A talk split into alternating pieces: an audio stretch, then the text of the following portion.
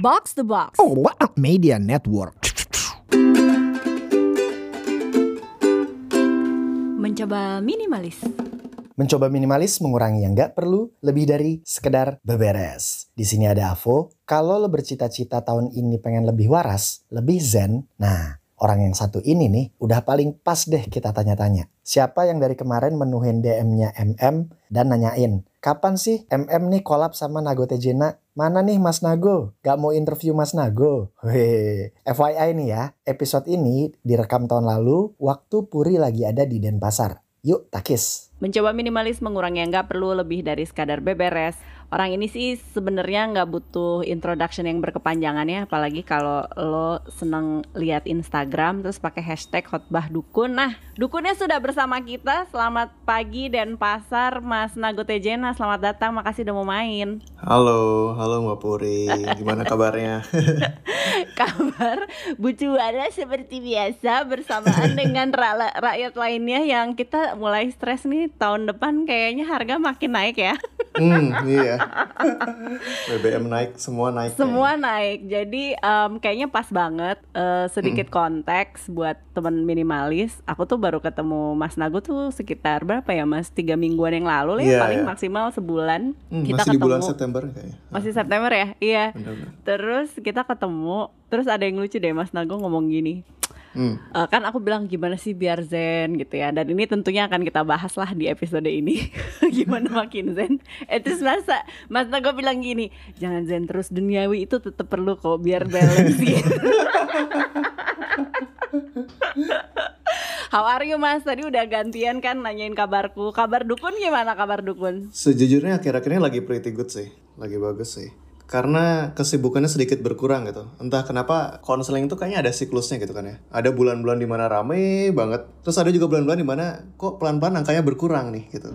Oh, jadi ada musimnya. nggak tahu kan ada musimnya deh kayaknya karena nggak selalu konstan gitu loh ada juga momen-momen di mana ya ini nggak tahu musimnya apakah semua psikolog mengalami juga atau memang cuma di aku doang tapi sekarang lagi agak slow jadi entah kenapa kalau klien udah slow itu kesehatan mulai terjaga entah kenapa ya mulai bisa olahraga mulai bisa makan sehat tapi kalau klien lagi full-fullnya nggak bisa tuh kayak gitu Emang dirimu sehari sebagai seorang psikolog profesional gitu ya eh, Mengambil klien itu konseling dalam sehari berapa orang? Em, biasanya sih aku maksimalin tiga Tiga Cuma tuh udah doang full ya? sebenarnya. Ah, Jadi kalau psikolog tuh rata-rata tiga ya, eh, yang aku tahu ya. Aku nanya temanku dan seterusnya. Kalau Hmm. psikiater ada beda. Psikiater kan dokter dan kayak dokter lebih terbiasa banyak ya. Kayaknya kayak eh, teman-temanku yang psikiater lumayan banyak ngambilnya di atas 6 bahkan kadang-kadang. Tapi kalau psikolog sih karena kita full conversation, Hmm. full counseling dan itu satu jam per klien, tiga itu sudah capek sih sebenarnya. Gila ya. Tuh ya. Jadi dukun pun butuh eh, break gitu ya, butuh istirahat. Bener-bener butuh bertapa, butuh bertapa nih. Tapi Mas, kali ini aku sih mau ngajak throwback dan eh, bisa jadi teman minimalis sudah tahu background story-nya, bisa jadi juga enggak. Karena kalau lihat di media sebagaimana Mas Nago adalah seorang hashtag khotbah dukun, lebih banyak mendengar kan dan sangat jarang menceritakan dirinya. Kalau aku sih pengen tahu Mas Nagonya dulu nih sebelum kita ngobrol soal zen yang lainnya. Kenapa tertarik sih dengan dunia psikologi dan mindfulness? Ada cerita nggak di belakang itu? Kalau dunia psikologi sebenarnya dulu alasan mulanya benar-benar pure dari ketertarikan gitu ya, curiosity gitu kali ya. Jadi bukan alasan yang mulia tuh kayak membantu banyak orang, ingin berguna buat bla bla bla enggak sih. Dulu aku rasa awalnya mulai dari ketertarikan gitu. Dulu tuh hampir jadi itu, masuk arsitek padahal sebenarnya dulu waktu Wow. SMA gitu. Oh, Terus waktu itu mikir kayak, kayak kalau gue jadi arsitek, jam tidur gue bakal terganggu banget ya kayaknya ya gitu ya. Habis itu melihat alternatif lain, ini kayaknya psikologi itu kayaknya seru deh. Jadi ya, akhirnya milih psikologi, dan setelah di dalamnya seru kan, karena belajar tentang manusia, belajar tentang diri sendiri, akhirnya keterusan deh, sampai jadi seorang psikolog, gitu. di titik itu eh ini konteks juga ya buat temins ya. Jadi kan eh, papanya Mas Nago juga adalah seseorang yang sangat dihormati ya di dunia mindfulness. Aku juga taunya telat tahu nggak sih temins malu Oh deh. ya? Jadi Pak Merta ada ya bilangnya ada, ya. ya. Mer- ya, Merta ada. Nah, apakah influence beliau juga udah ada di situ ketika mulai arsitek apa psikolog jadi psikolog gitu? Mungkin influence secara langsung enggak gitu ya. Hmm. Beliau juga nggak pernah me- mengarahkan anaknya mau ke sini atau ke situ. Kalau anaknya sudah milih, baru dia bilang oke, yang itu bagus ini, yang ini bagusnya itu gitu. Jadi dia nggak pernah melarang atau mengarahkan gitu. Cuma mungkin kalau influence secara nggak- langsungnya mungkin meskipun apa ya um, fieldnya berbeda gitu kan ya. Dia kan meditasi um, Ya. kesehatan tradisional dan lainnya, tapi mungkin itu memicu ketertarikan tentang memahami manusia sih, beserta dengan segala jenis aspek yang ada di dirinya gitu. Jadi orang selalu bilang, wah anaknya psikolog ya atau kuliah psikologi ya, cocok dong sama bapaknya. Sebenarnya ya dibilang cocok ya cocok, tapi dibilang beda juga beda juga gitu. Jadi mungkin aku rasa yang menjadi pengaruh sih ketertarikan untuk mengulik dan memahami manusia gitu kali. Itu bobot paling gede ya. Oke. Nah, em, kalau sekarang ngelihat dari pandemi aja ya, itu kan eh, mental health udah makin dapat sorotan ya. Menurut Mas Nago, tantangan terbesar kita nih manusia secara general ya yang hidup di kota besar, nggak cuma Jakarta aja gitu ya. Em, dan sekarang kita sangat mudah terpapar informasi, ada teknologinya gitu. Apa sih tantangan terbesar kita manusia? Kalau sekarang sih, aku rasa dengan majunya teknologi, ini kalau kita lihat dari sudut pandang psikologi gitu kan, kita kan bermain tentang atau berbicara tentang manusia, tentang dirinya, dan koneksinya dengan lingkungan gitu. Dampak terbesar dari kemajuan teknologi ini adalah konektivitas antara kita dan manusia lainnya gitu. Dima itu menjadi suatu hal yang sangat bagus gitu kan ya, atau bisa sangat mengganggu gitu, sangat disturbing buat kita gitu. Sangat bagus gimana? Maksudnya dengan adanya teknologi dan kemajuan teknologi apalagi dipaksa untuk beralih ke sana uh, era post pandemi ini gitu kan ya. Sema- Selama pandemi dan post pandemi ini kita bisa terhubung dengan orang-orang yang sefrekuensi dengan kita yang selama ini mungkin nggak punya kesempatan untuk ketemu langsung gitu kan. Jadi misalkan ya kalau di kalangan akademik kita tahu dosen dari luar negeri gitu kan misalkan nggak pernah ketemu tapi akhirnya pernah zoom call bareng atau misalkan kita punya kesempatan untuk satu event bareng dengan influencer yang sudah kita ikutin kontennya dari dulu dan kita bisa interaksi. Hal-hal kayak gitu kan suatu keberuntungan gitu ya, kita bisa mengalaminya gitu. Nah cuma konektivitas yang tinggi ini juga menghubungkan kita dengan hal-hal yang mungkin berpotensi mengganggu diri kita gitu. Artinya mungkin kita terpapar dengan eh, informasi-informasi yang tidak perlu gitu kan ya. Kita harus melihat atau menyaksikan em, teman kita mungkin yang mungkin kita kurang memiliki hubungan yang baik atau mungkin justru karena situasi konektivitas yang tinggi ini malah memicu hubungan yang kita yang awalnya baik-baik aja menjadi bermasalah. Mungkin dari kalau orang kan biasanya bilang kayak comparison di sosial media dan seterusnya. Itu menjadi masalah baru dan tantangan baru sih. Karena ibaratnya kalau kalau ini dibandingkan kayak nutrisi gitu ya era informasi ini ya kayak memasukkan banyak makanan gitu ke dalam kepala kita gitu. Dan nggak semuanya penting gitu kan ya. Kalau kita hari ini scroll TikTok selama 20 menit itu kayaknya nggak semuanya tuh patut disimpan di kepala kita gitu kan sebenarnya informasinya kontennya, komedinya dan seterusnya. Jadi kadang itu membuat kita overload information dan itu membuat kita mm, nggak nyaman mungkin ya sampai di tahap kadang menderita gitu kali. Menarik sekali. Jadi itu benar ya kalau ada semacam tesis yang bilang ya itu adalah tool, itu adalah alat. Mau dibawa baik atau mau dibawa buruk juga bisa gitu ya. Jadi dari sudut pandang psikologi juga emang bener kayak gitu ya. Mm-mm, bener. Oke. Nah berikutnya kalau dukun burnout siapa yang ngedukunin Mas Nago? Hmm, pertanyaan yang sulit ya. atau gimana caranya mengurangi burnout ya? Tapi aku rasa ini em, cara yang biasa aku lakukan, tapi aku rasa ini juga semestinya proses yang orang lain jalani juga gitu. Jadi sebenarnya kita nggak bisa menentukan benar-benar gitu ya. Kayak misalkan nih kan kalau misalkan em, aku diundang di em, jadi narasumber atau speaker di event tertentu kan, itu yang orang tanyakan gitu kan ya. Bagaimana sih caranya untuk mengatasi burnout? Bagaimana sih caranya untuk tips and trick untuk bisa em, overcome situasi ini gitu?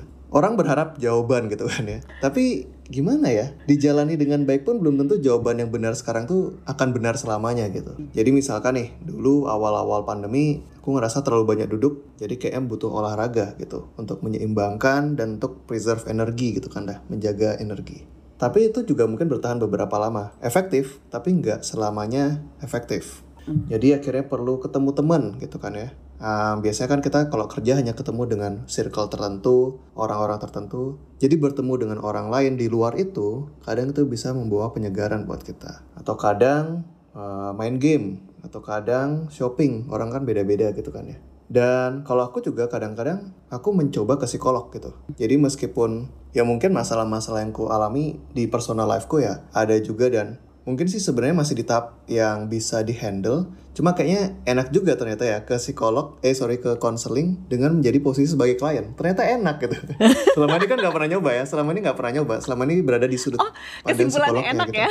Enak ternyata gitu loh. Karena apa ya? Kayak kita jadi punya ruang bebas untuk mengutarakan apa yang ada di kepala kita apa kekhawatiran kita dan menjadi diri kita sendiri gitu. Jadi di awal tahun ini kalau nggak salah aku nyoba ke psikolog beberapa kali pertemuan. Itu refreshing juga. Um, jadi aku rasa semua proses untuk bagaimana kita mengatasi burnout nih itu trial and error ya. Nyoba hmm. ini works, dilanjutkan. Kalau sudah enggak, jangan ragu nyoba yang lain dan begitu pula selanjutnya gitu. Karena aku rasa pada intinya burnout itu tentang bagaimana kita berjarak dengan rutinitas yang selama ini draining buat kita dan menemukan joy di aktivitas baru atau mungkin ya ultimate-nya ya tentunya istirahat gitu sih. Nah, aku mau challenge ketika dia bilang eh ketika Mas bilang refresh gitu kan.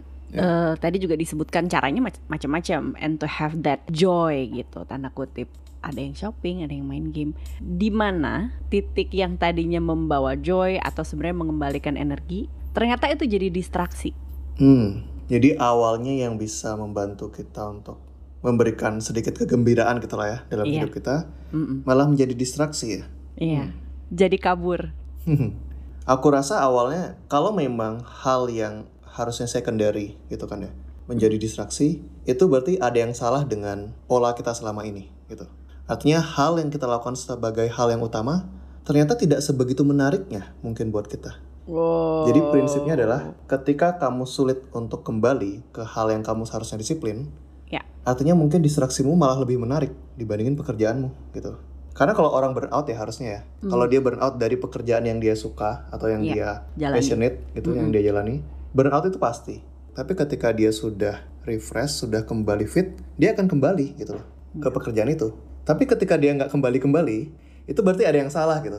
Kenapa hal-hal yang di luar pekerjaanmu menjadi lebih menarik dibandingkan pekerjaan kamu? Gitu. Itu suatu hal yang perlu dipertanyakan Bukan berarti kita harus resign ya, bukan berarti kita harus yeah. cabut dan gimana, tapi dipertanyakan. Okay. Itu dulu sih. Kenapa secara misalnya kita konseling gitu ya. Kalau yeah. aku perhatikan psikolog-psikolog itu menavigasi percakapannya dengan banyak bertanya bukan memberikan jawaban uh, statement gitu. Hmm, Kenapa sih, Mas? Yeah. Karena prinsipnya kalau dalam dunia psikologi itu ini kalau prinsip uh, dunia psikologi yang klasik humanistik banget gitu kan ya Prinsipnya adalah setiap manusia sebenarnya sudah tahu apa yang dia mau lakukan, sudah tahu bagaimana dia mau menyelesaikannya. Cuma mungkin kadang satu dia belum menyadari itu atau dia belum punya keberanian untuk melakukan itu. Karena itu, nasihat, ucapan, atau saran yang diberikan oleh orang lain itu nggak guna sebenarnya gitu loh. Kayak seberapa sering sih kita ketemu teman, ngobrol, nanya nasihat, pulang-pulang nggak dijalanin juga gitu kan. Kayak misalnya nih kita punya kegagalan dengan pasangan kita ini pacar gue gini banget setiap kali ada masalah ini dia selalu kayak gini toxic posesif bla bla bla. Temennya ngasih saran kan udah cowok kayak gitu nggak bener lo harus putusin aja gitu. Tapi jalan aja enif satu tahun enif dua tahun gitu kan. Jadi omongan dari orang lain tuh mungkin benar terkesan benar mungkin kita juga mengamininya gitu ya betul gitu kan ya. Cuma kadang itu bukan suatu hal yang kita mau lakukan sebenarnya meskipun kita tahu itu benar karena ada gap ya antara apa yang benar dengan apa yang um, saat ini kita butuhkan, saat ini kita mau lakukan dan seterusnya. Meskipun benar di atas kertas yang bagus adalah ketika um, kalau punya pasangan yang kayak gitu lebih baik putus aja, misalkan kayak gitu. Tapi mungkin kita ngerasain kayak ini suatu perasaan yang mungkin kita nggak mau akui bahwa kita mungkin masih membutuhkan companionship gitu. Kita hmm. butuh ada orang, kita butuh ada support system. Sejelek apa pun sebenarnya kita masih butuh gitu kan. Nah yang kayak kayak gitu yang kadang kita nggak menyadari dan itulah yang coba untuk dipancing mungkin ya dengan pertanyaan-pertanyaan dari psikolog gitu. Sehingga klien itu lebih memahami dirinya sendiri dan klien itu lebih bisa menentukan ke mana arahnya dia selanjutnya. Kayak gitu. Aduh gila menampar menampar. Ya hotbar dukun mulai menampar gitu. Karena ya sebenarnya kita udah tahu jawabannya temins Nah, hmm. tinggal digali aja. Oke, okay, Mas dua lagi kalau ini dari mencoba minimalis okay. karena kita kan geng mencoba minimalis mengurangi yang nggak perlu. Versi Mas hmm. Nago, Tejena adalah okay. apa? Mengurangi yang nggak perlu buat aku pribadi gitu maksudnya atau gimana? Iya, betul. Mengurangi satu media sosial. Itu jelas semua orang kayak gitu. Lalu mengurangi rasa bersalah yang nggak perlu, gitu kan ya. Lalu mengurangi pertimbangan yang nggak perlu gitu. Aku kadang suka banget, eh ini bukan suka dan positif ya. Kan kita tuh sering tuh ngelihat kayak tokoh-tokoh public figure yang aku bilangnya kayak stupidly confident gitu ya. Maksudnya kayak Donald Trump gitu misalkan. Dia Ya, buat ya, keputusan yang suka membuat orang banyak orang marah gitu kan ya Iya. itu suatu hal yang nggak bagus tapi kayak aku ngerasa kayak kita tuh kadang terlalu banyak pertimbangan gitu kita tuh di ekstrim yang berbeda dengan orang itu gitu loh jadi aku ngerasa kita kadang mungkin perlu mengeliminasi pertimbangan-pertimbangan yang nggak perlu dan sedikit stupidly confident dengan perasaan ataupun pendapat kita karena kita nggak tahu efek bagusnya bakal kayak gimana gitu loh Wah ini pas banget nih buat tipe gue kan juga suka mikir berulang kali sebelum uh, melangkah gitu ya. Ah, mungkin ya. mungkin teman minimalis juga ada yang kayak gitu.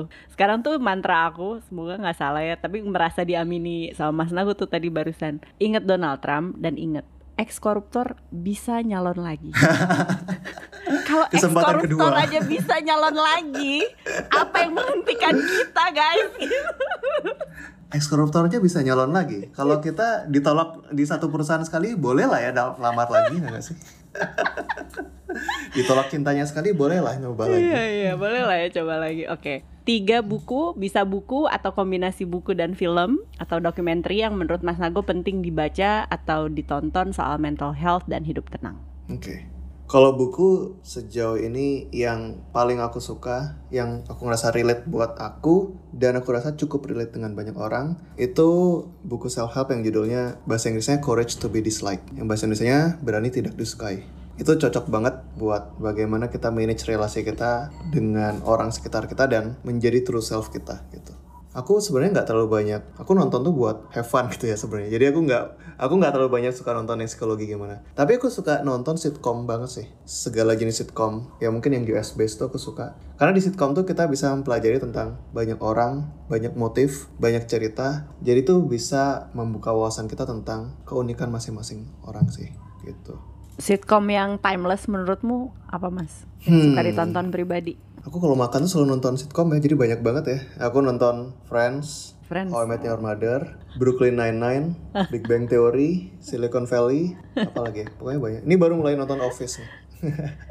Office yang mana? Yang UK apa yang US? Yang Steve Carell ya, yang Michael Scott itu yang mana? Oh iya iya iya, ya? iya iya Iya, Steve iya, Carell, iya iya. Um, Iya, Iya iya, aku iya. nonton Ricky Gervais Oh, lebih. itu aku nonton Ricky Gervais tuh yang stand up komedinya itu. Oh iya sih, udah udah Paul itu sih. Itu lucu banget sih gitu. Oh, jadi ya Du- Dukun juga nonton sitcom baiklah. Jadi sitcom Courage to be Disliked ada nggak satu lagi? I don't know, buku Hmm. atau apa pun Em, tentang paham diri. Soalnya kita udah berulang kali Ya. ngomongin paham diri dan emosi manusia ya.